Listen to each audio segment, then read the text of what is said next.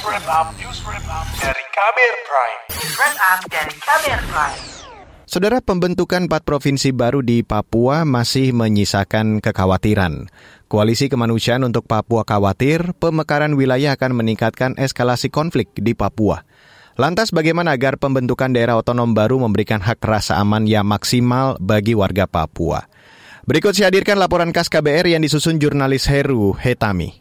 Pemekaran ini kita harapkan menjadi game changer untuk penyelesaian di Papua dalam rangka mempercepat kesejahteraan dan juga keamanan di Papua. Pemerintah mengklaim pembentukan provinsi baru di Papua dapat menyelesaikan persoalan keamanan di wilayah itu. Optimisme itu disampaikan Wakil Presiden Maruf Amin pada pertengahan November lalu. Ada empat provinsi baru di Papua, yaitu Papua Selatan, Papua Tengah, Papua Pegunungan, dan Papua Barat Daya. Maruf juga berharap pembentukan empat provinsi baru itu bisa makin memaksimalkan pelayanan publik kepada masyarakat Papua.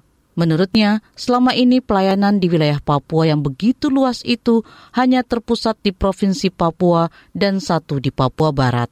Ya kita ingin pelayanan kepada masyarakat ini kalau dulu di Papua itu hanya oleh satu provinsi, nah sekarang oleh empat provinsi, di Papua Barat menjadi dua provinsi, kita harapkan pelayanannya akan lebih masif kepada masyarakat dan itu kunci saya kira daripada proses upaya percepatan untuk pembangunan Papua. Rencananya sudah kita buat namanya rencana Indo percepatan pembangunan otonomi khusus Papua. Namun pernyataan Maruf Amin diragukan oleh masyarakat sipil yang tergabung dalam koalisi kemanusiaan untuk Papua. LSM Komisi untuk Orang Hilang dan Korban Tindak Kekerasan Kontras menganggap saat ini masalah struktural di Papua belum juga dapat diselesaikan secara maksimal oleh pemerintah. Kepala Divisi Hukum Kontras Andi Muhammad Rizaldi mengatakan pemberlakuan DOB dikhawatirkan justru akan menambah masalah di lapangan. Langkah ini juga hampir pasti memperkuat cara pandang sekuritisasi di Papua sebab pemekaran dalam wujud DOB akan dijadikan sebagai legitimasi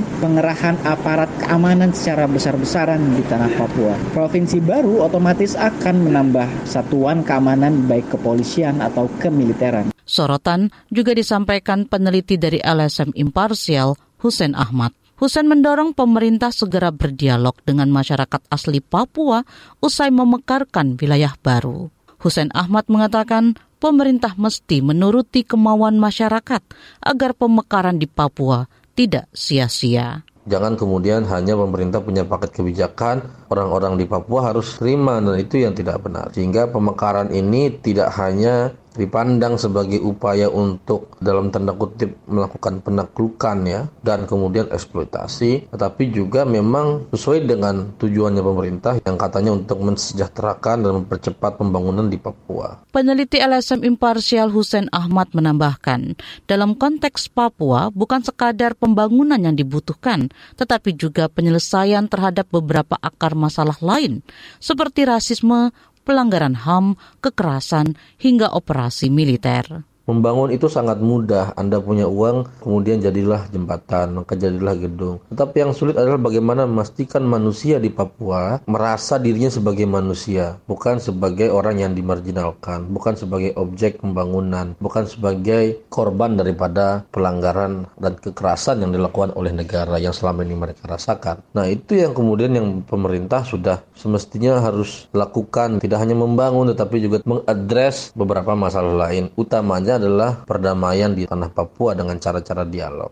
Hussein menduga keberadaan provinsi baru nantinya akan menambah pasukan aparat ke sana, sehingga berpotensi menambah eskalasi konflik. Konsekuensinya adalah tentu saja itu juga bisa menambah satuan-satuan tentara baru di Papua. Karena biasanya pembentukan provinsi itu diikuti dengan kodam. Dan oleh karena itu maka itu tentu saja akan memperkeruh situasi keamanan di Papua di mana semua orang sedang berharap tidak perlu adanya penambahan pasukan di sana tapi justru adanya perdamaian. Nah, dengan adanya pemekaran ini yang akan biasanya diikuti oleh satuan-satuan teritorial TNI kita, maka tentu akan ada penambahan pasukan yang mana itu saja akan berpengaruh terhadap situasi keamanan di Papua. Sejauh ini, dari catatan Komisi Nasional Hak Azazi Manusia Komnas HAM, perwakilan Papua memperlihatkan eskalasi konflik di Papua terus meningkat dari tahun ke tahun.